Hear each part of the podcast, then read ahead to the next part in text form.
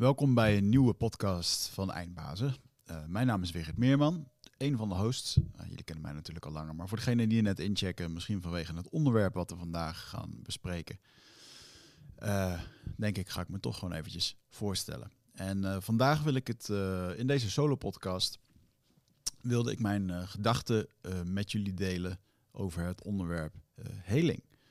En ik denk dat heling een, nou, misschien wel het allerbelangrijkste um, onderwerp is in persoonlijke groei. Er wordt niet veel over gesproken, want in de wereld van persoonlijke groei met seminars, masterclasses en, en evenementen, hè, daar wordt natuurlijk altijd best wel veel gehamerd op, op het rationele, op het cognitieve, uh, doelen stellen, Um, de vijfstapsmethode om ergens te komen en al die succesformules, die ook zeker een functie hebben.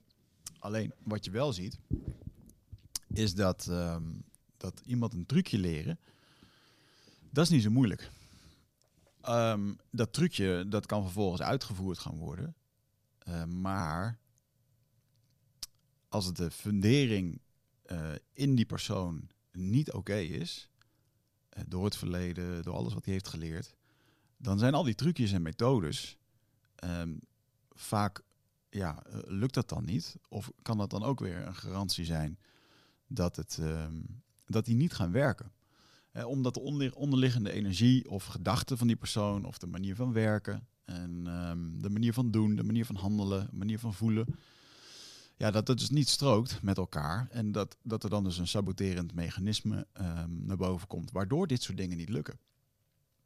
Nou, uh, de reden waarom ik deze podcast um, opneem, uh, is om twee redenen. Afgelopen zaterdag mocht ik in Vianen spreken bij mijn goede vriend Marvin Leners, uh, die mijn crypto coach is. dus shout-out naar Marvin, zoek hem zeker eventjes op. hij had een hele mooie dag met zijn winning team, uh, waarin hij mensen begeleidt in crypto en financiën en, en, ook een stuk persoonlijke groei. En een heel belangrijk onderdeel daar was ook uh, van die dag was heling. Dus ik was ontzettend vereerd dat ik daarvoor was gevraagd. Ik heb daar een mooie presentatie gegeven. Uh, en meestal word ik ook ingehuurd om te, om te spreken over bijvoorbeeld het onderwerp, nou ja, vaak meer in de trant van persoonlijk leiderschap. maar eigenlijk ben ik meer en meer in de essentie, ja, meer en meer ben ik erachter gekomen dat in de essentie van wat ik doe, dat, uh, dat heling daarin het middel is. Dus al die uh, beloftes van oké, we gaan erachter komen wat je wil, hoe dat je dat gaat doen en uh, de leiderschapsbeloftes um, die je doet naar mensen, um, die ontstaan doordat ze iets doen wat van binnen iets heelt. Eh, dat gezegd hebbende, um, denk ik dat het ja, goed is om, om, om ook eventjes aan te geven dat, dat heling, dan denken we vaak aan uh, een pleister ergens opplakken. Of hè, nou, misschien dat uh, de tijd een bepaalde wond heelt intern. Maar ik heb het hier meer over de onzichtbare, de onzichtbare wonden waar mensen mee rondlopen, waar jij en ik mee rondlopen, iedereen. En ja, waar misschien niet zoveel aandacht aan gegeven is. Wat je lang hebt weggedrukt. Uh, hè, waardoor het nog steeds een soort van wond is die, die, die ettert. Uh, die geen aandacht heeft gekregen. Ja, en vervolgens kom je tot een, uh, een bepaald punt in je leven dat dingen niet lekker lopen. En, en dan kunnen we veel van dat soort trucjes gaan proberen, zoals ik net besprak. Maar dan zie je toch dat mensen spaak lopen. En, en onlangs ben ik zelf ook weer uh, spaak gelopen met iets. En dat is iets wat ik met je, met je wil delen. Um, ook, uh, nou goed, ik ga je vandaag dus eventjes mijn visie geven. Mijn, ik denk mijn vernieuwde visie geven op, op heling. En het pad wat ik daarin heb bewandeld. En wat je daarin kan doen. Um, en aan het einde van deze podcast, ik zeg het vast eventjes straight up. En dan ga ik je wat vertellen over mijn retreat, Rite of Passage. Wat in mei zal plaatsvinden. Um, daar zijn nog een paar kaarten voor uh, beschikbaar. Uh, en, en, en weet je, er zijn heel veel uh, methoden um, die je kan gebruiken voor het opzoeken van heling. En je moet gewoon kiezen wat bij jou past. En nou, dan hoop ik, nadat ik hier mijn gedachten heb geventileerd, dat ik je daar op het retreat ziet. en als dat niet zo is, dan, dan heb je een hele hoop informatie gehad. waar je hopelijk een stukje heling uit hebt gehaald. En ehm, misschien nog wel op ideeën bent gebracht om met jezelf aan de slag te gaan. Hè, want ehm, ja, dat is toch wat, uh, wat eindbazen eigenlijk moet doen. Is mensen aan het denken zetten en ze vooral dingen uh, laten doen. Nou, voordat we verder gaan over heling, denk ik dat het belangrijk is hè, om nog eventjes dat stukje. Uh, wat is nou de definitie van heling? En we denken vaak aan een stuk gips of een, of een pleister. Maar heling, op de manier waar ik het nu over heb, om echt persoonlijk te groeien door heling, um, is heling vaak niks anders dan een, een verschil in perceptie. Een verschil in perceptie. Dus dat je in één keer anders kan kijken naar een bepaalde situatie. En uh, ik heb daar bijvoorbeeld hele mooie ervaringen mee gehad. Um, de meesten die mij uh, volgen al langer, maar we hebben, we hebben geloof ik vorig jaar hebben we de, de, de, meeste downloads ooit gehad met eindbazen. En ik geloof dat 57% uh, eh, nieuwe luisteraars is. Dus ik ga er even vanuit dat een hele hoop van jullie uh, hè, natuurlijk nog niet altijd mijn geschiedenis kennen. Maar als je het dan hebt over, over heling, een andere perceptie op dingen krijgen voor mijn, voor mijn werk ga ik naar indianenstammen toe in de Amazone. Ik verblijf dan bij de Honey Queen stam. En toen ik daar uh, uh, ooit was, toen viel me één ding op. En dat is dat ze daar geen gebouw hebben. Ze hebben daar geen beton in de jungle. En uh, dat, deed mij nadenken over een vraag toen ik daar was. Dan vroeg ik aan het stamhoofd van, joh, wat gebeurt er binnen de stam op het moment als hier een misdaad wordt begaan? Of als er bijvoorbeeld een moord wordt gepleegd? En toen zei hij iets heel bijzonders, wat me altijd is bijgebleven, maar wat dit heel mooi aanstipt, dit stuk. want op het moment, eh, als ik iemand vermoord in Nederland, dan moet ik naar de gevangenis. Nou, die heb je daar niet. En toen zei hij, uh, iemand die tot zoiets in staat is, die heeft geen straf nodig, maar die heeft genezing nodig. Heling. En hij zei ook, het is niet de persoon die dat doet, het zijn de slechte gedachten en de, de negatieve energieën die in die persoon zitten, die hem uiteindelijk tot die, die daad drijven. Heel interessant om daar zo over na te denken. En toen dacht ik, ja, oké, maar hoe doe je dat? En toen vertelde hij, nou, dan gaat iemand op een, hè, een plantdieet, op een ritueel. Ehm, daar heb ik mijn eigen boek over geschreven, op zoek naar antwoorden. Uh, toevallig is dat ook dat dieet wat ik daar heb gedaan. Het dieet van de Muka-plant. Dat is een, uh, een, een, een, aardappelplant. Klinkt heel sexy, maar dat is een hele krachtige plant in, uh, in veel van de inheemse culturen. En uh, ja, dat betekent dus dat je 40 dagen lang uh, afgezonderd in een hutje in de jungle zit, aan jezelf gaat werken. En in dit geval, als iemand zoiets doet, weken of maanden of nog langer. En het idee is dan dat je jezelf reinigt. dat je al het negatieve uit je haalt en jezelf herprogrammeert als een beter mens. Nou, vond ik zo ontzettend mooi. En dat is natuurlijk een hele mooie uh, uh, andere perceptie op het kijken naar heling. Want als wij kijken naar onze maatschappij en we kijken naar heling, dan ja, dan hebben we daar gewoon een hele andere visie op. En dat komt natuurlijk onder andere door hè, eigenlijk het systeem. Wat je niet kwalijk kan nemen, want het systeem is het systeem. En, en in dat systeem, daar is vraag en aanbod dus uh, uh, de dokter heeft eigenlijk geen tijd om naar de oorzaak te gaan um, voor jouw probleem. Um, de klant uh, die wil, of de patiënt wil eigenlijk dat het opgelost wordt en krijgt dan een pilletje. En ja, zo wordt er dus eigenlijk niks opgelost, maar toegedekt. Ik heb daar verder geen oordeel over, want iedereen moet daar zijn eigen weg in vinden en kijken wat hij fijn voor zichzelf vindt. Ehm, mijn mening is dat het, ja, natuurlijk, hè, dat we naar de oorzaak moeten van dit soort dingen.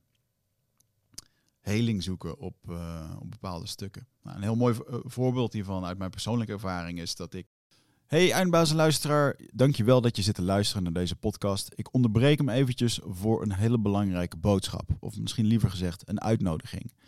Want op 24, 25 en 26 mei, dan is er weer een nieuwe editie van Ride of Passage. Dat is mijn retreat voor persoonlijke ontwikkeling.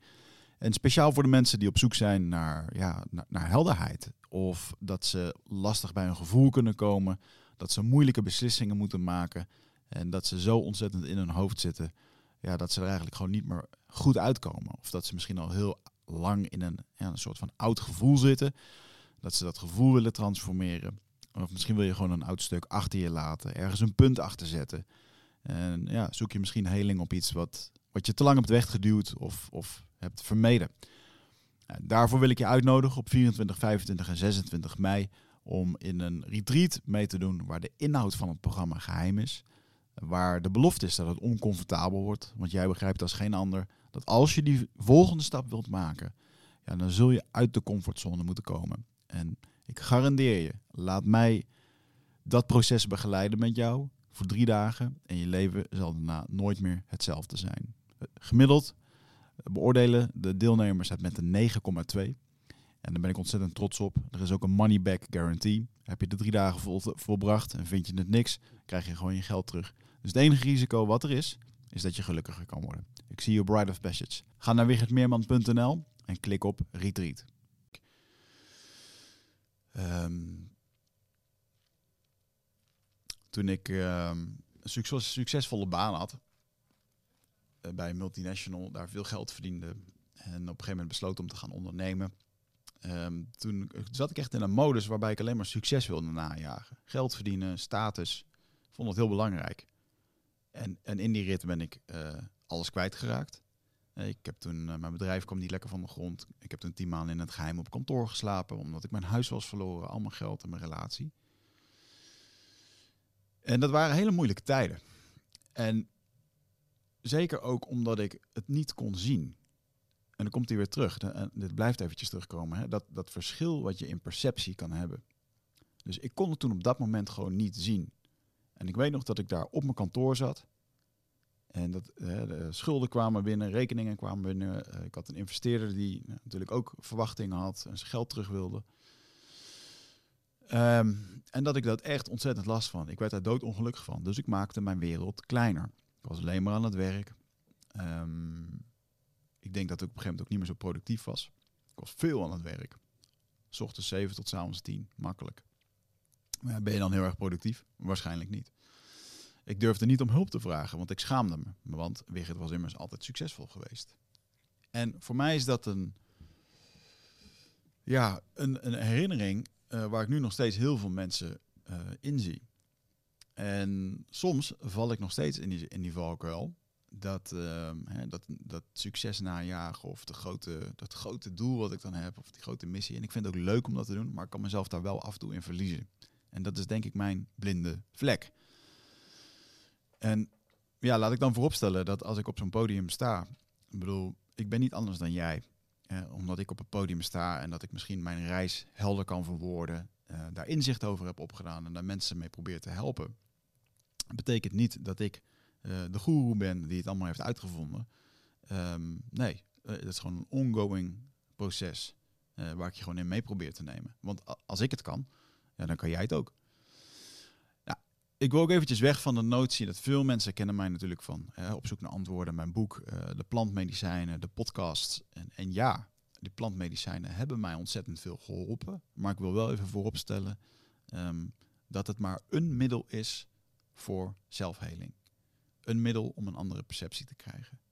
En een heel mooi voorbeeld daarvan was, hè, toen mijn ogen geopend werden, was in mijn allereerste ayahuasca-ceremonie is ook wel een grappig verhaal, want toen ik daarheen ging, uh, nadat ik dat op de Joe Rogan podcast had gehoord, die, um, die zat daar met Aubrey Marcus over te kletsen.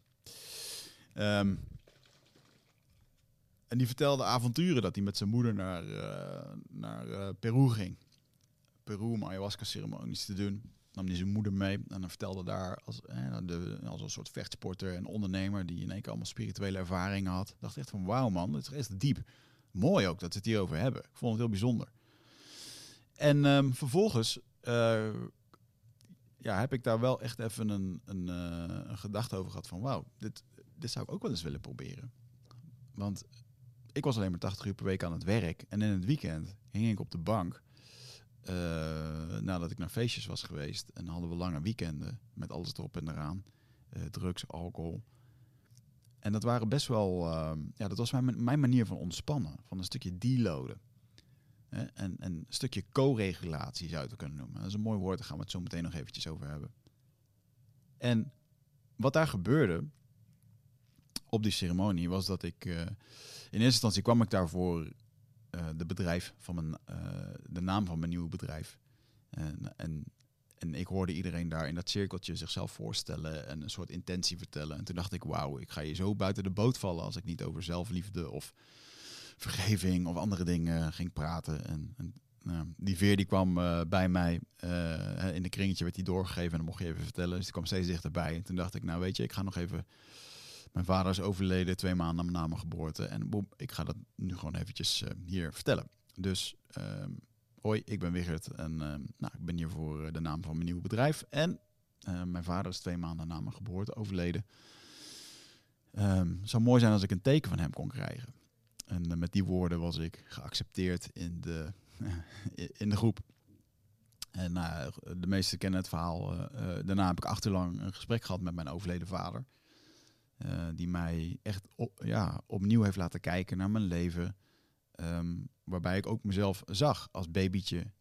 Eh, al dat verdriet wat, wat er was in het, in, in het gezin, in de familie.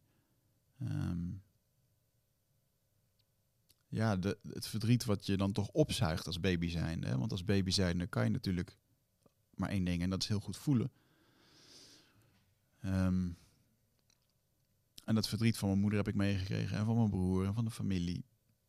En een paar jaar later, ja, dan, dan is dat een soort van geweest. Eh, dan is dat hoofdstuk klaar, wordt er niet meer echt over gepraat. En ja, ik zag daar heel erg in die ayahuasca-ceremonie dat ik dus eh, ontzettend veel verdriet heb meegekregen. En ook ehm, heb gezien dat de, de liefde eh, die, die bij ons is, niet vanzelfsprekend is. Dat die zomaar in één keer afgenomen kan worden. En dat al dat presteren, hardlopen en succesvol zijn,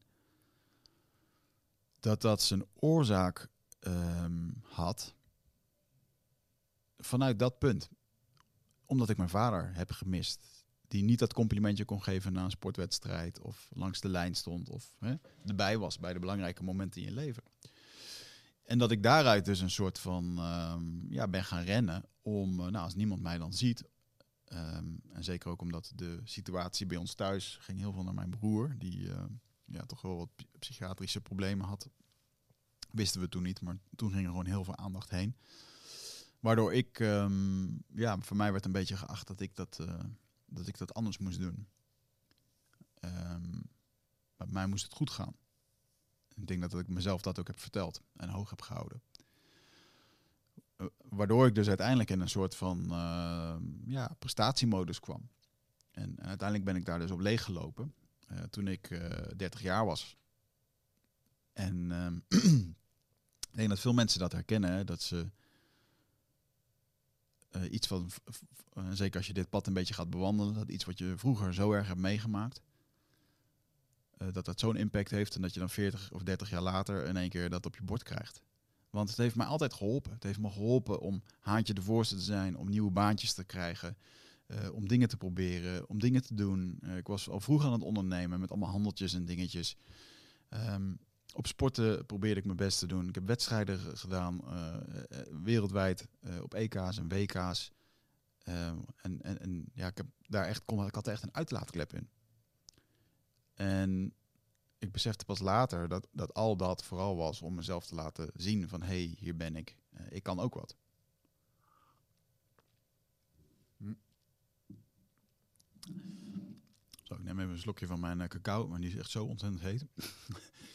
dat ik mijn mond verbrand heb.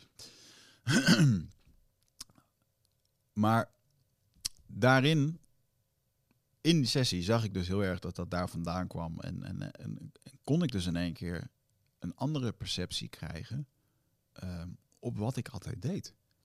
Een andere perceptie, op een andere manier kijken naar hoe dat ik altijd heb uh, geleefd of hoe ik dingen deed. En dat is dus gewoon een andere perceptie krijgen op zaken. Nou, dat is door middel van een plantmedicijnceremonie. Een heel ander simpel voorbeeld was bijvoorbeeld door Michael Pelagic. Toen ik op mijn kantoor was, uh, niet helemaal bezig. Ik was toen net pas bezig met persoonlijke groei. Ik begon, ik, mis, ik merkte gewoon, ik, ik moet iets gaan doen. Nou, wat is dan de, wat is dan de cheat code? Uh, nou, dus onder andere mentor zoeken. En Michael Pelagic begon toen net, te, begon net. Ik heb in zijn tweede groepje gezeten met acht mensen in een restaurant ergens in Utrecht.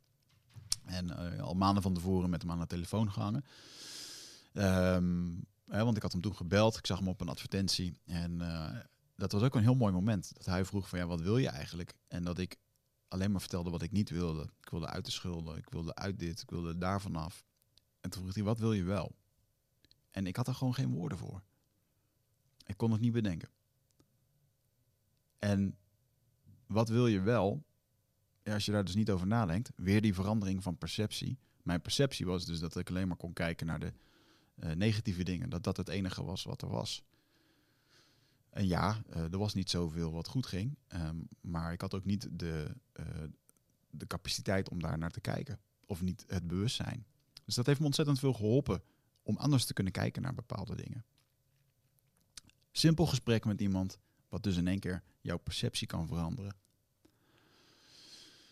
Nou, ondertussen hebben we natuurlijk een hele reis gehad en ben ik daar in die jungle geweest. Heb natuurlijk heel veel ayahuasca-ceremonies gedaan. Wat, wat voor mij een, uh, ja, ben heel erg blij wat het mij heeft gegeven. Ik moet heel eerlijk zeggen, ik ben vorig jaar in april terug geweest. Ik heb het sindsdien niet meer gedaan. Um, ik voelde ook niet de behoefte. Dus het is niet zo uh, dat die mensen, die perceptie hebben mensen nog wel eens dat ik uh, iedere week in de tipi lig om dat te doen. Nee, helemaal niet. Um, maar afgelopen jaar heeft er wel een, uh, een ding is heel belangrijk voor mij geworden. En dat is een stukje zelfredzaamheid. Een stukje zelfredzaamheid binnen mijn bedrijf, ehm, financieel. dingen goed voor jezelf, goed voor jezelf zorgen. ook voor je gezondheid, mentaal en ook geestelijk. En daar ben ik mezelf ook wel weer in tegengekomen dat ik, um, nou, ik denk van de periode november tot, uh, tot februari heb ik me best wel. Uh, uh,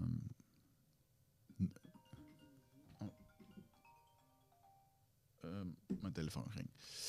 Slecht. Normaal in eindbazen moet je hem dan opnemen, maar dit gesprek kan ik even niet opnemen, helaas. um, maar waar was ik gebleven? Ja, ik heb me dus best wel uh, genoemd. Uh, num, uh, ja, het is een beetje een raar woord. Een beetje ehm, gevoelloos. Lastig, kon lastig bij mijn gevoel komen. En ik kon niet zo goed peilen waar het nou van kwam.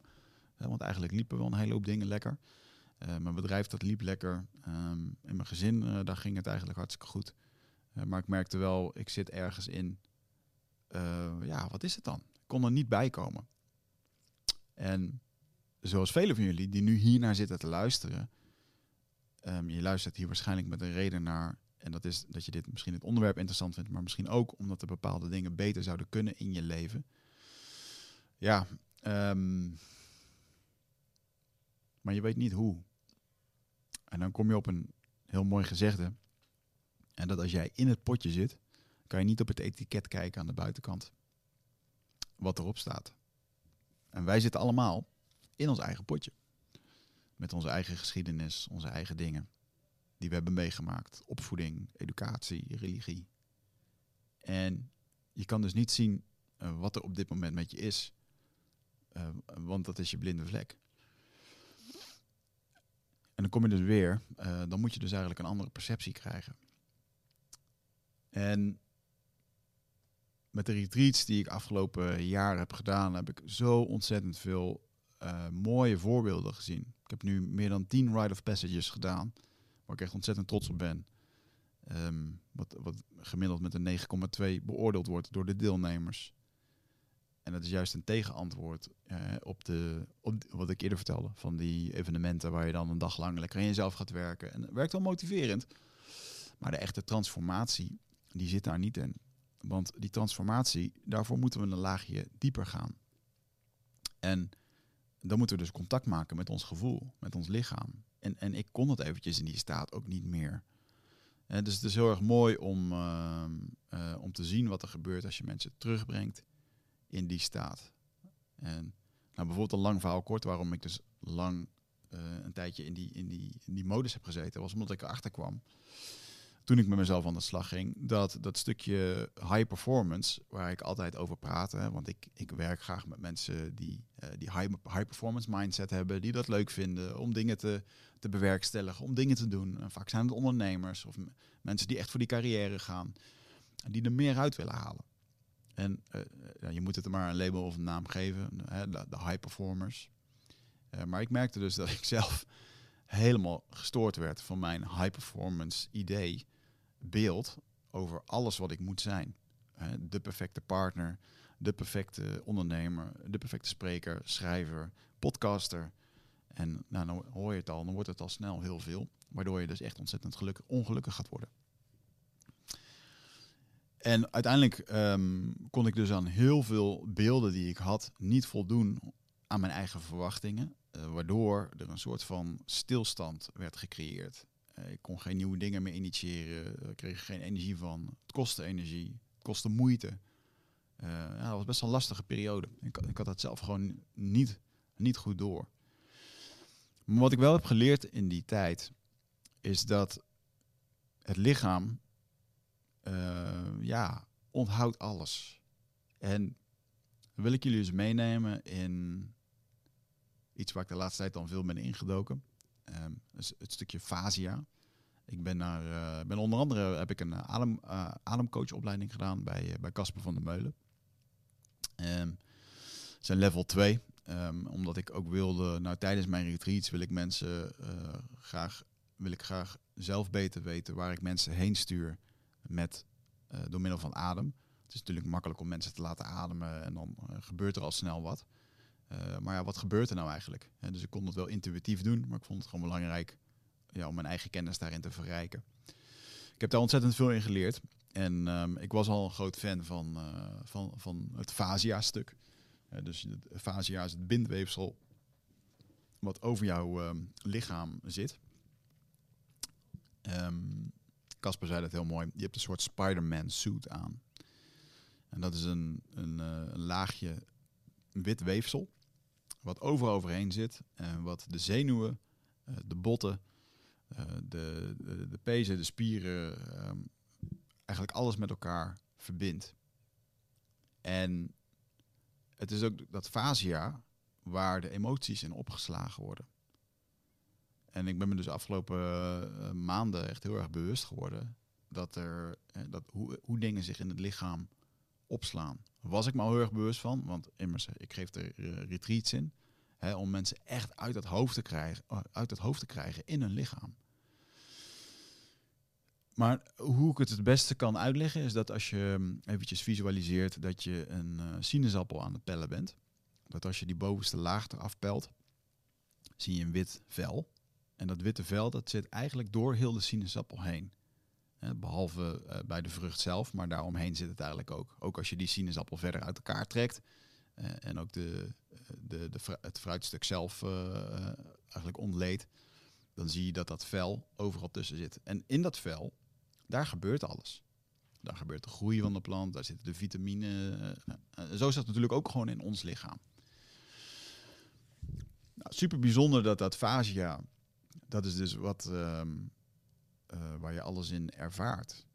Want de problemen die je op dit moment ervaart, die zitten in je hoofd. Want je denkt na over dingen, je ervaart problemen, je voelt druk, je, je voelt prestatiedruk, je kan niet kiezen, uh, je voelt verantwoordelijkheid, uh, je voelt stress. En uh, dat voelen, dat doe je in je lichaam. Maar de problemen worden gecreëerd omdat jij erover nadenkt. En het een, bepaald, um, ja, een bepaalde lading geeft. Dus als ik nu eventjes um, terugga naar hoe dat gevoel ontstaat, dan uh, zou je kunnen kijken naar een zogenaamde, uh, ik verwijs altijd naar een energiepyramide. Zie, uh, zie je even voor je, als je zit te luisteren, een, een piramide. Um, verdeeld over vier lagen. En in de bovenste laag van die piramide zit het spirituele. Dat betekent dat het spirituele, de spirituele energie. Daaronder zit het mentale. Daaronder zit emotie. En onderaan de piramide zit fysiek. Want al die ervaringen die we hebben, ook de spirituele ervaringen, ook de ayahuasca, ook de uh, verliefdheid, uh, het gebeurt allemaal in ons lichaam. En alles wat we zien komt via onze zintuigen, onze oren, ogen. Wat hebben we nog meer? Oren, ogen en natuurlijk onze neus. Komt het binnen. En dat binnen een seconde kijk je ergens naar, naar iets of naar iemand. En, en dat gaat door al die filtertjes in je brein. Van gelukkig, uh, of al die filters in je brein van uh, trauma, opvoeding, uh, je ouders, je school. iedereen die iets heeft proberen te vormen in jouw beeldvorming, in je opvoeding. Dan gaat dat doorheen en dat creëert vervolgens een bepaald gevoel. Ergens in je lichaam. En dat gevoel wat ergens komt, hè, dat, dat, dat slaat zich op in, de, in het lichaam. Wij als wild dier, want dat zijn we, we doen alsof we heel beschaafd zijn, maar we zijn uh, grote wilde dieren.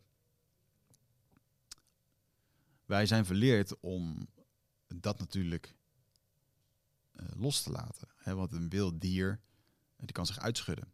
Als je een hert voor je koplampen krijgt, dan verstijft hij. Vervolgens springt hij het bos in. Tenzij jij hem niet doodrijdt, maar moet je niet doen, want dan is je auto totaal los. Vervolgens gaat dat, Bert, uh, dat hert uh, het bos in en die schudt met zijn hoofd, uh, met zijn nek met zijn, en trapt met zijn poten. En hij zorgt ermee dat die overtollige energie verdwijnt. Hè, die stressenergie. En daarna kan hij gewoon weer verder grazen in het bos alsof er niks is gebeurd. En wij daarentegen uh, wij zitten heel erg in een bepaalde. Uh, als bij ons iets gebeurt, dat we het vasthouden. Mag niet over gepraat worden. Uh, denk eventjes, uh, nou, er klapt iemand achter op je auto. Je hebt een auto-ongeluk, hoeft niet hard te zijn, maar je bent helemaal verkrampt. En dan heb je een soort van spierpijn. En die kramp, je zit helemaal erin. Vervolgens kom je op je werk en alles, de hele wereld gaat gewoon door. En, en, en nou, je, je, wil niemand tot last zijn. En, en dat is echt onze cultuur, om daar zo mee om te gaan.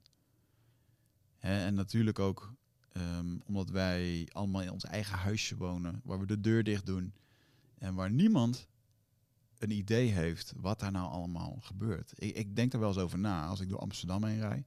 Dan rijd ik vanaf de A2 uh, Amsterdam binnen. En dan zie ik al die appartementen, honderden ramen. En dan denk ik, wauw man, achter ieder huis hier, daar, daar gebeurt zo ontzettend veel wat we niet weten.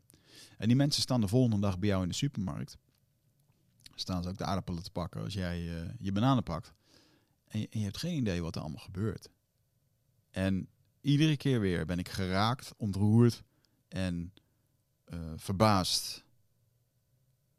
En ook weer vereerd dat mensen um, op Ride of Passage, dat ze die verhalen delen. En, en ik zie iedere keer weer hoe voor de hand liggend het ook is. De, de ontlading die er ontstaat op het moment als mensen delen. Dat het uit hun systeem komt. Want ik had het net over dat hert dat dingen eruit gooit als die spanning heeft. Maar ik heb het hier eventjes over um, het delen van jouw gevoelens. Of dingen die er lang niet besproken zijn. Krijg ik vaak de opmerking: oké, het is heel raar dat ik dit nu ga vertellen. Want zelfs mijn beste vrienden, daar spreek ik hier niet meer over. Maar hier in deze groep voel ik dat ik dit nu kan doen. En een heel belangrijk onderdeel hierin is veiligheid. Want, lieve mensen, die veiligheid, wat er dus in Amsterdam achter, zo'n, uh, achter in zo'n huis gebeurt, die voel je niet met iemand waarmee je de volgende dag in de Albert Heijn uh, die aardappelen staat te pakken. Dan, dan is die veiligheid er niet. Of op je werk, waar je ook nog een bepaalde um, gedrags cultuur hebt. Je moet je zo gedragen om, om goed geaccepteerd te worden. Ik mag me niet laten kennen. Ik mag niet laten zien dat ik het moeilijk heb. Dat nemen vervolgens mensen allemaal mee uh, in dat rugzakje, lopen daarmee rond en, zijn eigenlijk hartstikke gestrest. Nou, dan komen we op een heel mooi uh, stuk en dat is uh, ons centrale zenuwstelsel. Want ons centrale zenuwstelsel, dat moet je een beetje zien als een ballon. Stel nu dat ik hier een ballon heb en ik zou die opblazen dan uh, dat betekent dat, dan moet je dat zien als, het lichaam waar een beetje spanning op zit. Nou, het lichaam kan best een beetje spanning hebben. Eh, maar op het moment als daar in één keer iets ergs gebeurt, bijvoorbeeld je moeder komt overlijden, wordt die ballon een stuk opgeblazen. Nou, kan je wel een beetje mediteren, wordt die een beetje leeggelaten. Kan je een beetje crossfitten, wordt die leeggelaten. Of misschien ga je wat anders doen. Goed gesprek, op zoek naar vrienden, misschien naar een therapeut. En daardoor uh, laat je die ballon eigenlijk leeg. Maar vervolgens gebeurt er, um, nou gebeurt er, voor veel mensen geldt al dat die ballon best wel vol zit. Bijvoorbeeld door de, de hoeveelheid stress die ze ervaren. Zeker in de afgelopen jaren met alles wat er is gebeurd. Pandemie, oorlog, dingen die er gebeuren in de wereld. Economie, geldzorgen, werk. Waardoor die ballon voller en voller raakt. En natuurlijk is het van belang om die ballon dan op een gegeven moment leeg te laten lopen. Maar op een gegeven moment hebben die 10 minuten ademen of mediteren niet meer voldoende nut om de 23 uur en 50 minuten van de rest van de dag om dat leeg te laten lopen. want als je daar continu gespannen in bent, dan hebben die 10 minuten niet zoveel effect. En het centrale zenuwstelsel staat dus continu op het standje aan. En wat gebeurt er dan? Dan ga je dus heel erg veel in je hoofd zitten. En je voelt het niet meer in je lichaam. Je staat continu op een, op een, op een, op een aanmodus. met veel cortisol. Um, dat heeft invloed op hoe jouw brein werkt. Hoe dat je slaapt. Hoe dat je eet. Hoe dat je verteert. Um, op je seksdrive, sex drive, libido. Um, en, en, en dat zijn natuurlijk best wel ja, dat zijn de cruciale dingen waar, het, waar ons welzijn om, om draait. Dat je goed eet, slaapt. Ehm, dat je liefde kan ervaren, dat er rust is. Super belangrijk, sociale contacten. Maar dat zijn vaak de dingen die dan ook onder spanning komen. En wat gebeurt er dan op een gegeven moment? Ehm, een mooi voorbeeld met die ballon is dat als die ballon half vol is, dan kan ik eigenlijk dan kan ik een pen pakken en dan kan ik met die pen in die ballon duwen. Terwijl die half vol zit, nou, gaat die, gaat die daar niet kapot van. Maar op het moment als er te veel spanning opkomt en hij raakt ook maar een beetje van die pen, dan klapt hij. En dat is wat er dan gebeurt op het moment als jouw centrale zenuwstelsel te veel te verduren heeft. Uh, je dat niet goed gereguleerd hebt. Of dat er gewoon iets gebeurt wat te groot is voor jou op dat moment. En zeker als er echt iets ergs gebeurt in jouw familie, dan, uh, of met je gezin of met jou, met je gezondheid. Wauw, dan heeft dat zo'n giga-impact. Uh, ja, dat, je, dat je zenuwstelsel dat niet aan kan. dan krijg je paniekaanvallen, uh, dan krijg je een burn-out, dan krijg je klachten. En het is eigenlijk heel mooi dat je dat krijgt, want het is ook gewoon een, een, uh, een teken van je lichaam om te zeggen van hé, hey, dit, dit wat we nu aan het doen zijn, daar moeten we wat mee. En dit is natuurlijk, een, dat is natuurlijk de uiterste vorm. Hè? Dat, je, ehm, dat je in die burn-out komt en dat je, dat je niks meer kan of wat dan ook. Maar het kan natuurlijk ook gewoon zo zijn dat jij al 30 jaar lang op die spanning rondloopt. Ik denk dat ik dat zo heb ervaren van mijn nulste tot mijn dertigste. Continu die spanning van dingen opzoeken. En als je jong bent, kan je lichaam heel veel hebben. Maar als je ouder wordt, boven de 30, dan, dan gaan de jaren gewoon tellen met dit soort dingen. Ik voel, ben nu 40, ik voel me hartstikke fit. Maar ik zie wel in dat, uh, dat ik geen 20 meer ben. En aangezien de meeste mensen die mij volgen tussen de 25 en 45 zijn, denk ik dat dit goed is om, eventjes, uh, om even aan te halen.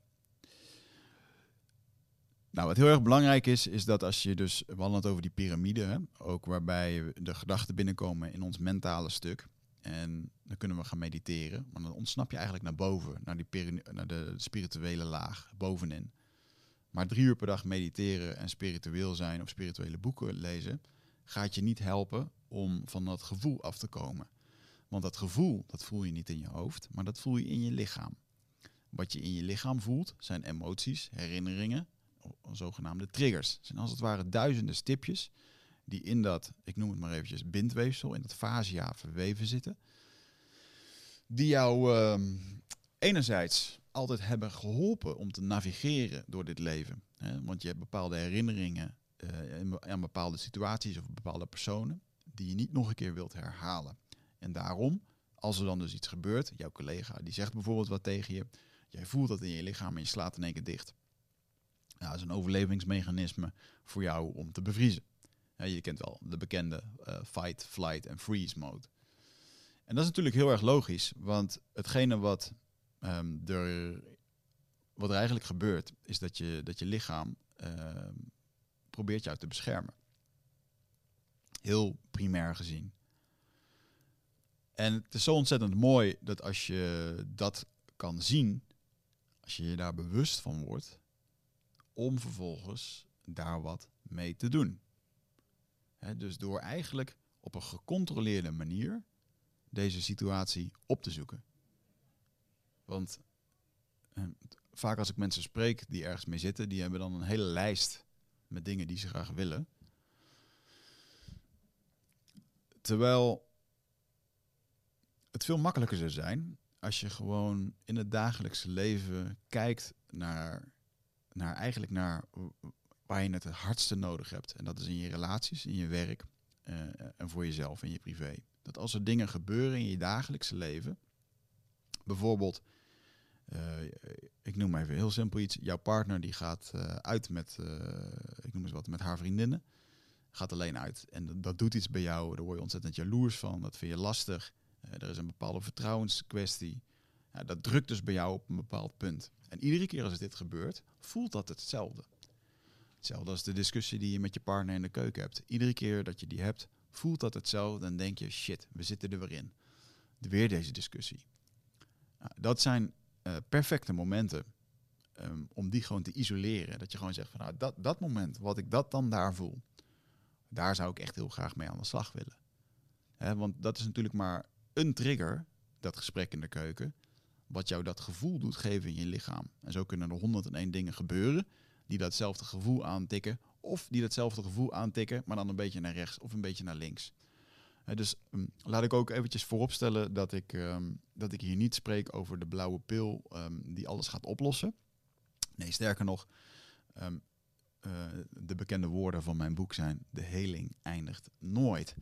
Uh, dat is wat het stamhoofd ook tegen mij zei toen ik, toen ik vroeg na een vierdaagse evenement, uh, toen ik ingewijd was in de stam, uh, met veel ayahuasca, kambo en rituelen, uh, hoeveel ayahuasca ik nog moest drinken om, ja, om een beetje normaal door het leven heen te komen. Toen zei hij dat. Het, het, het, de heling eindigt nooit. Hm. En ik denk dat voor, voor veel mensen is nu echt de tijd aangebroken om naar jezelf te gaan kijken op een, op een wat diepere manier. Want als je verandering wil, dan kan je dat op, uh, op een aantal manieren doen. En, uh, en, en het is heel simpel om een trucje te leren. Of een methode te leren. En dat te gaan doen. En daardoor kunnen dingen zeker gaan veranderen. Uh, maar dat, dat heeft een bepaalde discipline nodig. Dat heeft een bepaalde houvast nodig. Alles heeft trouwens discipline en houvast nodig. Dus wend er maar aan. Dat heb je sowieso gewoon nodig. Uh, ook in dit werk. Ook zeker om het pad van heling te gaan bewandelen. En ik hoop dat je die keuze voor jezelf wilt maken. En dat je daar eerlijk naar durft te zijn. En nogmaals, uh, heling is een heel groot begrip. En 9 van de 10 keer gaat het over het verschil krijgen in een andere perceptie. En met mijn bedrijf hebben we uh, onder andere als kernwaarde, uh, een van de kernwaarden is dat alles wat wij doen, alles dat wat ik doe, elke e-mail die ik schrijf, elk bericht dat ik plaats, elke podcast die ik maak, moet bijdragen aan heling. Dat is een van de kernwaarden die ik uh, daarin meeneem.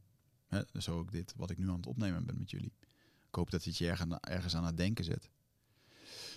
En die verschil, dat verschil in perceptie, dat is zo ontzettend belangrijk. Want ik zie dus op mijn retreats dat mensen binnenkomen met een bepaalde verwachting van hun partner. Een bepaalde boosheid. En, en let wel, de meeste mensen die, die, die überhaupt naar podcast luisteren of die aan dit soort dingen meedoen, die zijn best wel intelligent. En dat is een grote valkuil, want die intelligentie die zorgt er ook voor dat je snel denkt van, nou, ik weet het nu wel. Ik, ik denk nu wel dat ik het kan, die ander begrijpt het gewoon nog niet. Uh, en dat, dat is ook ergens is dat een stukje spiritueel ego. En dat heb ik ook uh, ervaren, zeker toen ik terugkwam uit de jungle. Toen dacht ik helemaal, ja, nou, mij maken ze niks meer wijs. Ik weet het nu wel. zes weken geïsoleerd in de jungle, niemand die echt aan je ego trekt. En, en in één keer kom je terug met al die wijsheid en dan moet je het gaan toepassen. En dan valt het kaartenhuis in één keer in elkaar. Want je bent gewoon mens. Dat gezegd hebben, je bent gewoon mens. Uh, het leven stelt ons altijd bloot aan lijden. Helaas heeft het die natuurlijke eigenschap. dus wend er maar aan. Want niemand komt je daarin redden. Jij moet het gaan doen. En in plaats van de schuld aan anderen te geven of aan de situatie. En dat, dat is echt wel makkelijk en fijn soms ook om dat te kunnen doen. Hè? Maar daar lossen we dus niks mee op. En om het echt dicht bij jezelf te zoeken en om naar de diepere antwoorden te zoeken, ja, dan moet je toch een laagje naar beneden. En we hadden het net over, ik kan je wat leren, uh, een trucje, dan kan je dat gaan doen, dat kan verandering brengen. Of um, we kunnen dus een laag gaan transformeren. Een bepaald gevoel of een bepaald beeld omzetten naar iets anders. En heel simpel gezegd, als jij nu je ogen sluit, dan is er al een shift van bewustzijn. Dus je breingolven die gaan anders reageren. Um, als je dan ook nog tien keer ademhaalt, uh, dan verandert er een hele hoop in je lichaam. En dat heeft ook weer te maken met het tot rust laten komen van het centrale zenuwstelsel. Het centrale zenuwstelsel wat continu op spanning staat. Omdat het continu alert is. Het ziet en het hoort alles. Er is stress. We moeten alert zijn. Hè, want er komt gevaar zijn. Er is gevaar van geen geld, geen liefde. Al die dingen die we onszelf wijsmaken. Hm. Nou, goed om te weten is dat de heling uh, ontstaat in ontspanning. Heling ontstaat in ontspanning. dus toen ik bijvoorbeeld tien maanden op mijn kantoor had gewerkt en het bedrijf eindelijk weer een beetje goed ging, dat, we weer een, een uh, dat ik een appartement kon boeken. Toen ben ik, of een appartement kon huren. Toen ben ik compleet ingestort na twee weken. Um, na het boodschappen liep ik door de voordeur, alles werd een waas en ik werd wakker in de woonkamer met mijn hoofd op de vloer. En daardoor werd ik weer wakker door die klap. En um, mijn lichaam gaf gewoon op. Want mijn lichaam wist onbewust, we hebben nu een plek waar we kunnen slapen. We hoeven niet meer aan te staan. En we gaan nu uh, hier eventjes uh, herstellen. En ik had die rust en die veiligheid dus ook nodig hè, om dat te kunnen doen. Een heel moeilijk proces geweest. Soms vragen mensen wel eens mij, hoe, hoe lang heb je eigenlijk de burn-out gehad? Nou, ik heb er tien maanden naartoe gewerkt. Ik heb het ook ongeveer uh, tien maanden nodig gehad om, om überhaupt weer een beetje, nou, om überhaupt weer te gaan werken. Dat is niet waar, want ik heb al doorgewerkt, maar ik bedoel meer, ik heb tien maanden echt, echt rust gehad. En tussendoor wel een beetje gewerkt, maar daarna begon ik wel weer drie, vier dagen, vijf dagen een beetje te werken. Ik was ondernemer, dus ik had ook geen keuze. Um, tenminste, dat is ook onzin. Je hebt altijd een keuze, maar dat was mijn keuze. En ik vind ook dat, eh, dat het eigenlijk heeft bijgedragen. Want thuis op de bank gaan zitten met een dekentje, oh ik ben zielig, met een burn-out, gaat niemand beter maken. Hm. Maar het was wel fijn om die rust eventjes te ervaren. En ik denk dat heel veel van jullie, hè, die zich bijvoorbeeld gejaagd voelen, eh, wederom dat zenuwstelsel dat, dat opgeblazen is, voelen zich gejaagd, lopen met opgeblazen ballonnen rond. En, en op een gegeven moment kan elk object wat bij die ballon komt, kan die ballon doen knappen. Zelfs een, botte lepel kan op een gegeven moment die ballon kapot maken als, het, uh, als er te veel spanning op staat. En, en die botte lepel is eventjes een metafoor voor, ik noem even wat. Je kinderen die uh, liggen te schreeuwen thuis uit enthousiasme. Normaal kan je dat prima hebben, maar op dat moment niet meer. En dan in één keer, dan, dan, knapt er iets bij je. Waardoor je in één keer een sneer geeft naar je kinderen dat ze stil moeten zijn. En krijg je dat soort dynamieken. En ik geloof echt dat als mensen um, een moment voor zichzelf creëren dat ze dus die laag naar beneden kunnen gaan. Dat ze, en dat is ook fysiologisch zo, dat het lichaam pas kan helen op het moment als we in ontspanning zijn. Dus op het moment als we continu gestrest zijn, kunnen we niet goed herstellen. Gaan we niet goed verteren? Gaan we niet goed slapen? En zijn we, voelen we onszelf veilig? Eh, is er niet te veel spanning? Ja, dan, eh, dan kunnen we gewoon prima functioneren. En ik geloof echt dat we een, uh, een zelfhelend vermogen hebben. Um, vorig jaar in de jungle heb ik daar ja, echt een ontzettend mooi visioen over gehad. Um, wat ik nu aan het verwerken ben in mijn tweede boek. Dat gaat heel erg over het systeem. En hoe dat het daar bij die Indianen werkt. En, en waarom dat zo'n groot verschil is. Maar een heel groot verschil is bijvoorbeeld hoe dat werd uitgelegd. En bijvoorbeeld eventjes de, uh, wat er met mijn broer uh, is. Hè, psychiatrisch patiënt, schizofrenie, autistisch. Liet mij ja, echt zien dat en moet, ik er wel even bij vertellen, hij is toen een keertje um, onderkoeld gevonden in een weiland. En met zijn kleren gescheurd lag hij gewoon in een februari maand, lag hij daar. En het medicijn liet me anderhalf uur uh, kijken naar hem in dat moment. Hij wist niet meer wie die was. Uh, hoe dat hij daar terecht kwam. En het medicijn liet me echt zien van ja, dit, zoals hij er nu bij ligt, is echt het resultaat van hoe dat jullie met onder andere met trauma omgaan dus dat er iets gebeurt in ons brein op het moment dat we jong zijn. Heftige, heftige dingen die er kunnen zijn. Het verliezen van je vader, een hartoperatie, een ongeluk. Uh, misschien heb je ooit een keertje flink verbrand, een brandwond. Uh, weet je, bepaalde dingen die er in de familie zijn gebeurd. Ruzies of scheiding van je ouders. En dat heeft impact op ons brein. En, en sowieso fysiologisch gezien kan de een daar beter mee omgaan dan de ander. dus het maakt niet uit wat er gebeurt. Het kan zijn veel blowen uiteindelijk, of liefdesverdriet, of de scheiding van je ouders. Maar uiteindelijk, ergens geeft het een bepaalde deuk, een bepaalde contractie. En die contractie van dat vasthouden, denk weer aan hè, dat, dat hert, of, jij die in een auto-ongeluk zit. Eh, je houdt dat vast en je houdt dat bij je. Uh, er mag niet over gepraat worden. Het is lastig in Nederland om over dingen te praten, want hè, we wonen allemaal in ons eigen huis. Ons medische systeem is er eigenlijk helemaal niet op ingericht. Veel mensen zoeken veel te laat hulp. En wat er dan gebeurt is dat er van binnenuit uh, dat dat zich gaat ontwikkelen. Want iets wat je wegduwt of waar je niet naar mag kijken, ja, dat begint dan allemaal eigen paadjes te creëren. En zoals mijn vrienden, de, zoals ik dat toen zag in de, in de jungle, was dat ja, op het moment dat je dus iedere week ayahuasca drinkt, um, wat ook wetenschappelijk gezien um, de elasticiteit van je brein uh, bevordert. Uh, nieuwe um, neuro, neurowegen aanmaakt. Dus dat je die paadjes die eeuwen, eeuwenlang hebt gelopen met jezelf, dat je die anders kan maken. Dat er nieuwe verbindingen worden aangemaakt. Eigenlijk een soort herstructurering van je brein waar het aan bijdraagt. Toevallig is het 23, uh, volgens mij heb ik hem hier nog op mijn computer staan. 23 um, maart is er nog een artikel geschreven Um, kan ik hem nu niet vinden? Ja, hier.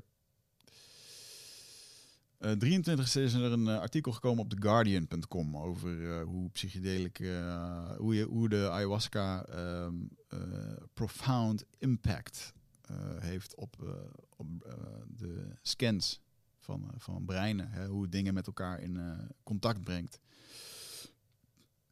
Dus je gevoel en je ratio en al die dingen hoe je bepaalde ervaringen in één keer kan koppelen aan elkaar, aan een bepaald gevoel of aan een andere perceptie. Dat is natuurlijk echt wat psychedelica doet.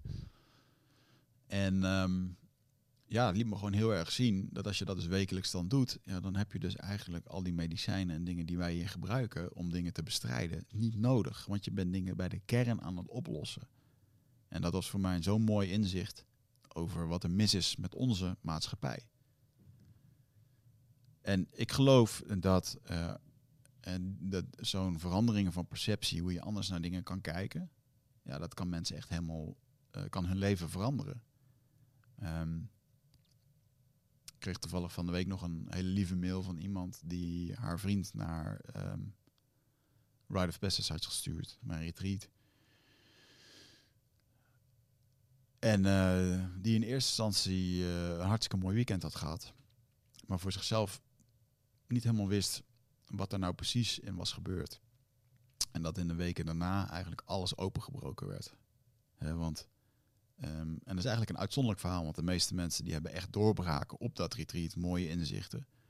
Uh, en soms is het wat lastig voor mensen om dat een beetje te peilen, want zeker als je zo lang in de, noem eens weet je wel, als je zo lang in die aanmodus hebt gestaan, uh, zo lang, als je al 35 jaar een bepaald patroon afgaat, en je moet dan in één keer dat openbreken, dat is echt heel lastig. Want het eerste ding wat er moet gebeuren is dat jij de beslissing voor jezelf moet maken dat je dat pad van heling wilt gaan bewandelen.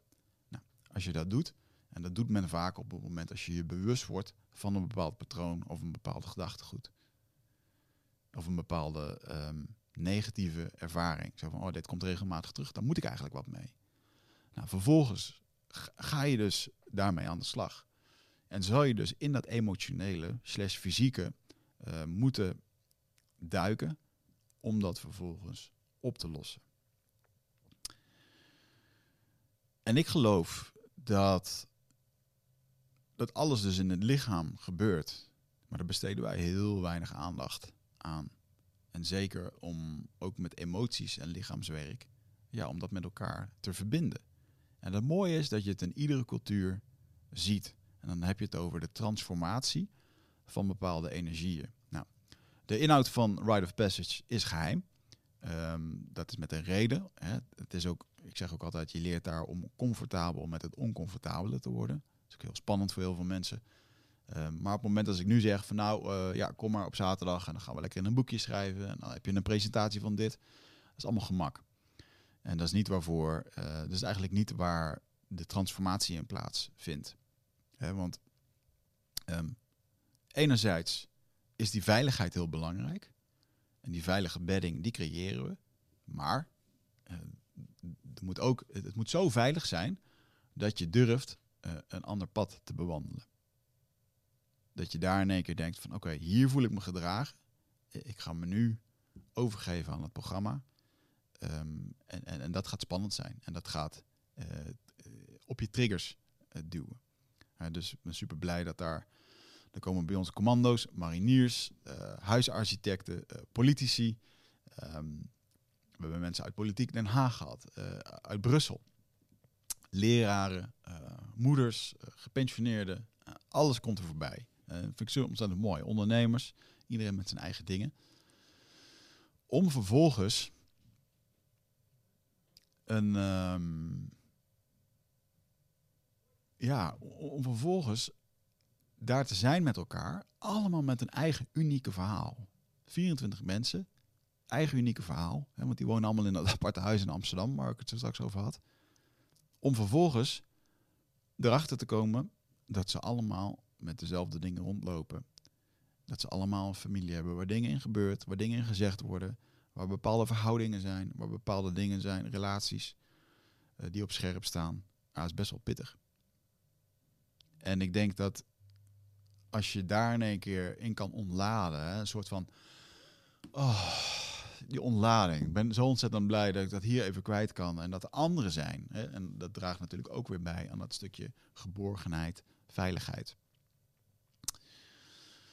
En, heel mooi, uh, dat daar een andere perceptie kan ontstaan over hoe jij over bepaalde dingen nadenkt. Want wat jij bedenkt met je hoofd, dat zorgt uiteindelijk voor het gevoel wat je hebt. Dus jouw gevoel wat je hebt, dat is altijd waar. Daar kan niemand iets van zeggen. Als jij je nu gestrest voelt, dan is dat zo. Als jij je nu verlaten voelt, dan is dat zo. Um, maar die gevoelens, die worden dus gecreëerd door die gedachten die in het mentale binnenkomen. En die zijn niet altijd waar. Want je liegt heel vaak tegen jezelf.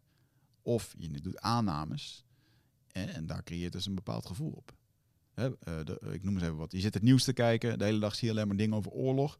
Uh, je gaat erover nadenken. Je krijgt er een naar gevoel bij. Want je denkt dat het misschien morgen ook hier kan zijn. Dat is een aanname. Het kan ook zo zijn, maar het is wel een aanname. Totdat het gebeurd is. Dus zo maken we onszelf eigenlijk helemaal gek. Zo kan het ook zijn in een relatie. Continu heb je gedachten over wat er van je verwacht wordt in een relatie. Wat je vriendin of je, of je vriend van je verwacht. terwijl dat helemaal niet het geval is. Hè? En, en het is zo ontzettend mooi om, om, dat, uh, om dat soort inzichten te krijgen. Dat je dat kan verwijderen uit je dagelijkse dingen, zoals werk en relaties. Dat dat gesprek wat je eigenlijk iedere week zou willen voeren, maar wat heel spannend is, eh, dat je dat niet doet om jezelf te beschermen. Want dat is veiliger. Totdat het op een gegeven moment niet meer kan en dat je eigenlijk gedwongen wordt. Nou, ik zeg het verkeerd. Totdat het niet meer kan en het uiteindelijk kapot loopt. Of totdat je tot inzicht komt van wauw, dit is echt een kwetsbaar stuk van mij. En dat woord zeg ik al, kwetsbaarheid, super belangrijk. Eh, om je te kunnen uiten naar je partner, naar je gezin of naar je kinderen. Dat ze weten wat er met jou, wat er in jou omgaat. Want een van de belangrijkste zaken die ehm, belangrijk is in het onderhouden van relaties in de liefde, is dat er gedeeld wordt. Want de liefde is het best omschrijven. Uh, een psycholoog heeft daar een mooi boek over geschreven. Erich Fromm, De kunst van het liefhebben. Duitse psycholoog. Uh, die deed eigenlijk onderzoek naar wat is nou precies liefde. Heeft een boek geschreven over liefhebben. En die beschreef uh, liefde als vertrouwen. Nee, ik zeg het verkeerd. Die beschreef liefde als verbinding. want liefde is natuurlijk heel erg. er zijn hele boeken over geschreven, musicals over geschreven zo oud als dat de wereld is, uh, filosoferen we over de liefde. Wat is dat nou precies? En hij beschreef het als verbinding. Nou, hoe krijg je verbinding? Door te delen, uh, door gedachten te delen, door ervaringen te delen, door gevoelens te delen. En op het moment als wij uh, in een bepaalde situatie komen waarbij het slecht gaat, dan willen we ons weer beschermen. Dus een eerste ding, en zeker de mannen zijn daar heel erg goed in, is dat we ons terug gaan trekken. Gaan we ons terugtrekken in ons schulpje? Gaan we niet meer praten? Gaan we niet meer uh, uh, delen? We willen niemand lastigvallen. We willen ook onszelf niet laten kennen. En wat gebeurt er dan? Is dat je partner uh, bij jou in huis woont en op een gegeven moment geen verbinding meer met je kan maken. Geen verbinding kan maken met wat er nou precies in jou omgaat. En wat er dan gebeurt is dat er een bepaalde afstand gecreëerd wordt. Want die ander kan, kan niet bij je komen. En je houdt het ook af. Bepaalde afsluiting. Voelt minder, gaat harder werken, gaat meer roken. Uh, uh, mijn go-to verslaving is harder werken. Dan denk ik dat ik me daardoor beter ga voelen. um, terwijl, terwijl het heel belangrijk is om, um, ja, dus te zorgen dat die verbinding er wel blijft. En wat doe je dat? Ja, door te delen, door je ervaring te delen. Super belangrijk om te zorgen voor jezelf uh, dat die openheid er ook is. En dat is wat ik bij heel veel mensen uh, ervaar op het retreat zelf. Super mooi dat ze dat durven te delen met, met, met die mensen die ze net kennen. Uh, dus binnen een dag is dat één, grote, één grote tribe. Mensen die ja, die naar elkaar kunnen luisteren, die met elkaar kunnen uh, kletsen over dingen uh, waar ze normaal geen ruimte voor hebben. Maar vervolgens om dat ook mee naar huis te nemen. En dat zijn de meest waardevolle berichten die ik krijg. Dat mensen zeggen van joh, ik heb nu gewoon aan de, aan de, aan de eettafel heb ik nu gewoon uh, woorden voor hoe dat ik. Ik heb nu gewoon woorden gevonden voor hoe dat ik me voel. ze begrijpen me beter, ik kan dingen uiten. En het is ontzettend waardevol om te lezen wat dan de reacties zijn van mensen die, daar, die daarbij zitten. Um, de mensen die om je heen zitten, dat die in één keer ook de verandering zien wat het bij je heeft gedaan. Dat je andere keuzes gaat maken. Dat je het ook daadwerkelijk voelt in je lichaam, omdat er iets getransformeerd is en niet omdat je een of ander trucje hebt geleerd. Dus de grote, de, ik zeg ook altijd op het retreat van ja, ik coach je hier niet. Want als ik je nu weer wat ga vertellen, dan kom je over twee weken, wil je weer naar mij toe, omdat ik het omdat je het niet zelf hebt gevoeld en hebt ervaren. En, en dat ik je wat heb verteld. Nee, je moet het zelf voelen.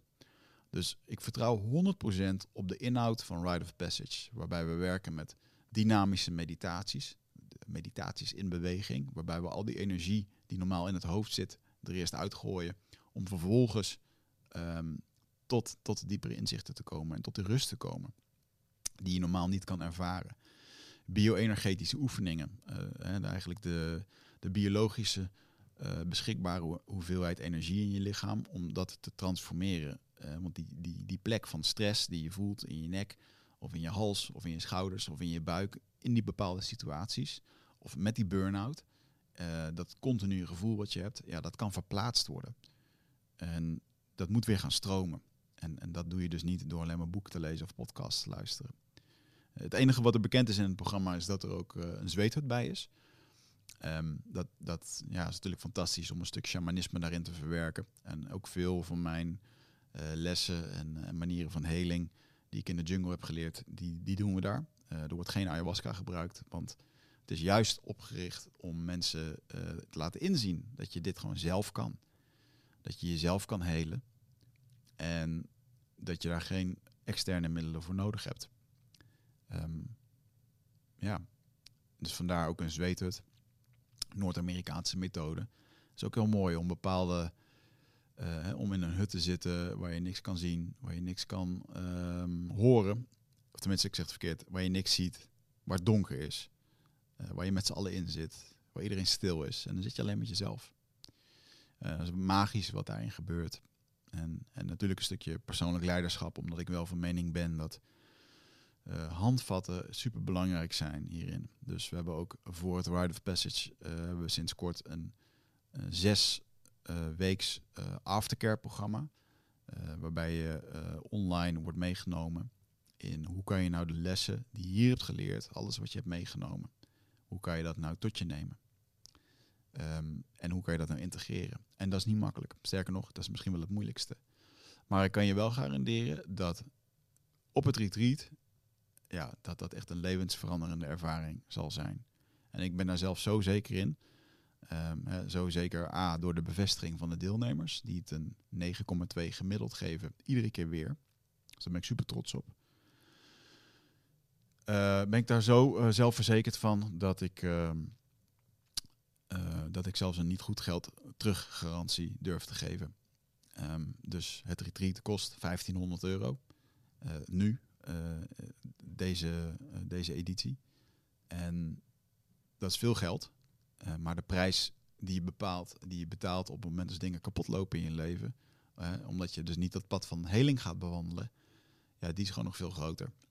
Dus um, het is het meer dan waard. En ja, mensen geven ook aan in de feedback dat, dat de prijs kwaliteit, die, die is een acht of hoger. Dus ja, ik wil je gewoon heel erg graag uitnodigen om. Uh, ik hoop dat je iets aan deze podcast hebt gehad en, en, en dat je wat inzichten voor jezelf er hebt uitgehaald.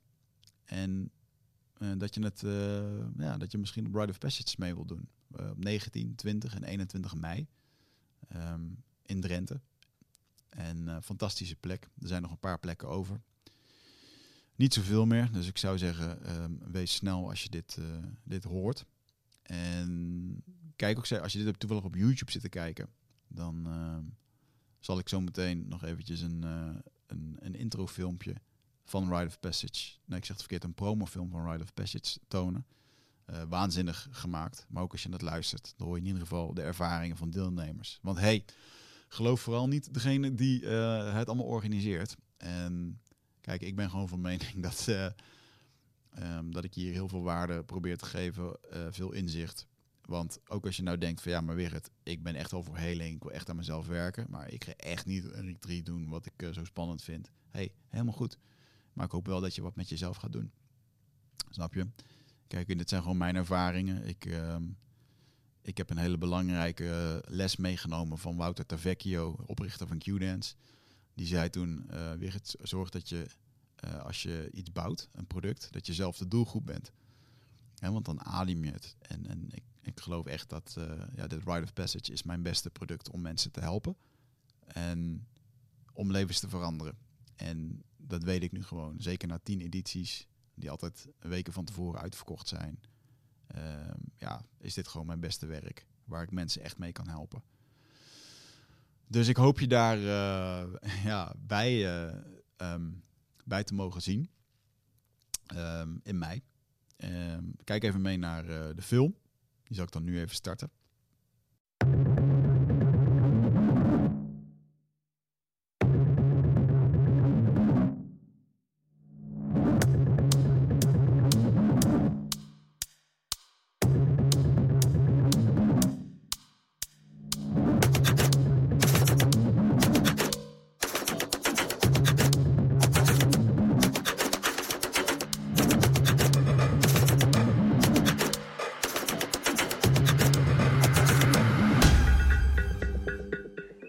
Van Rite of Passage is geheim.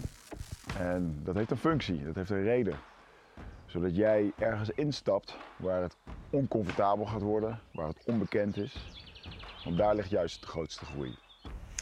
Het weekend was uh, enorm uh, confronterend, uh, oncomfortabel en ontzettend waardevol.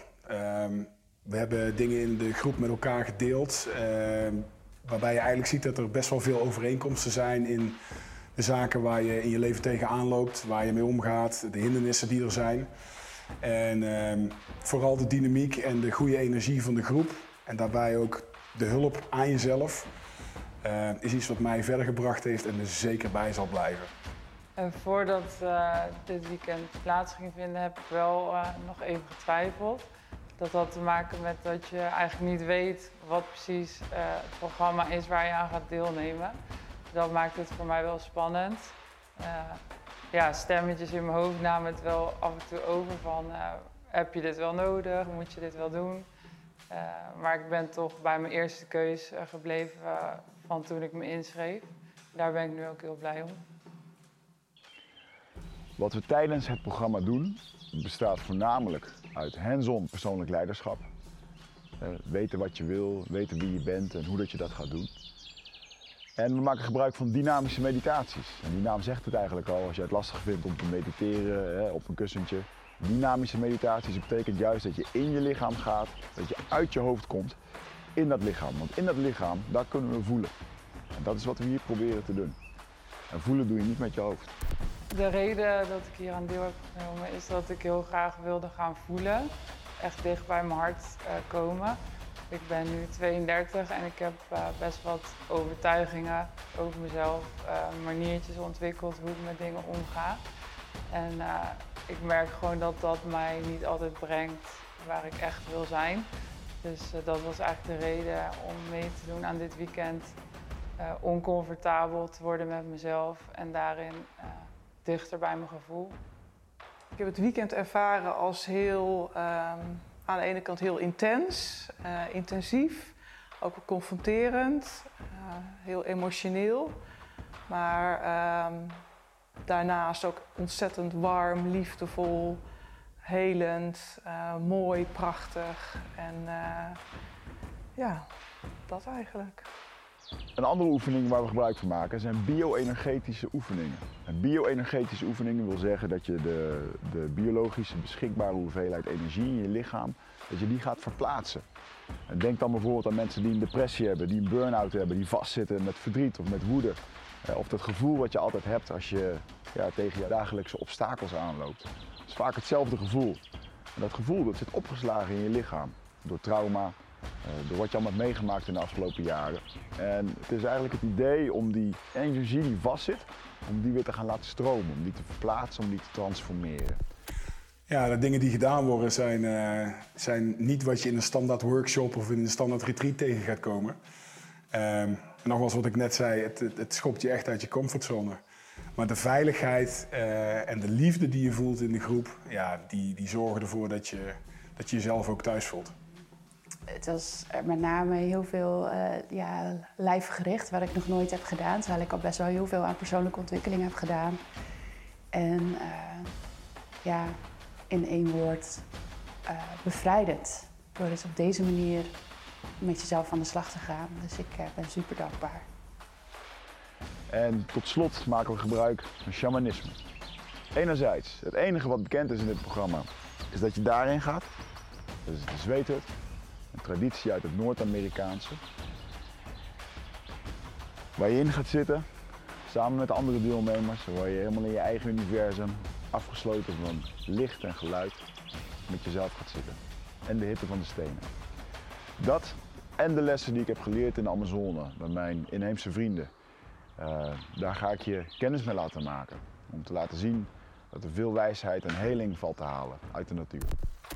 Ik heb het weekend als heel uh, intensief ervaren. Uh, ook heel krachtig. soms heel oncomfortabel. maar wel heel veilig. ik mocht echt zijn wie ik ben. En ik heb heel veel geleerd van de groep ja, het was echt heel warm om met elkaar dit door te maken.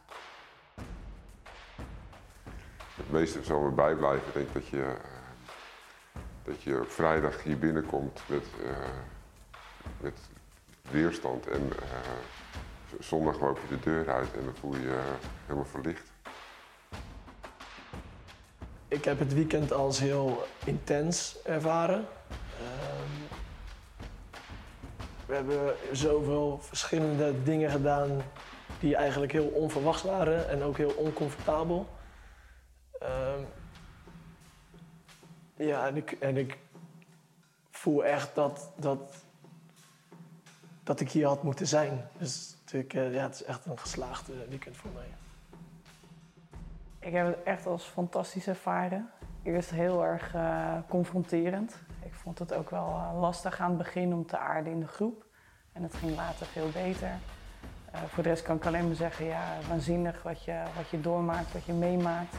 En wat me het meest bijblijft is dat ik, dat ik weer voel dat ik heel erg trots op mezelf ben. En, dat je met mensen om je heen heel erg mooi kan gaan connecten als je zelf openstelt.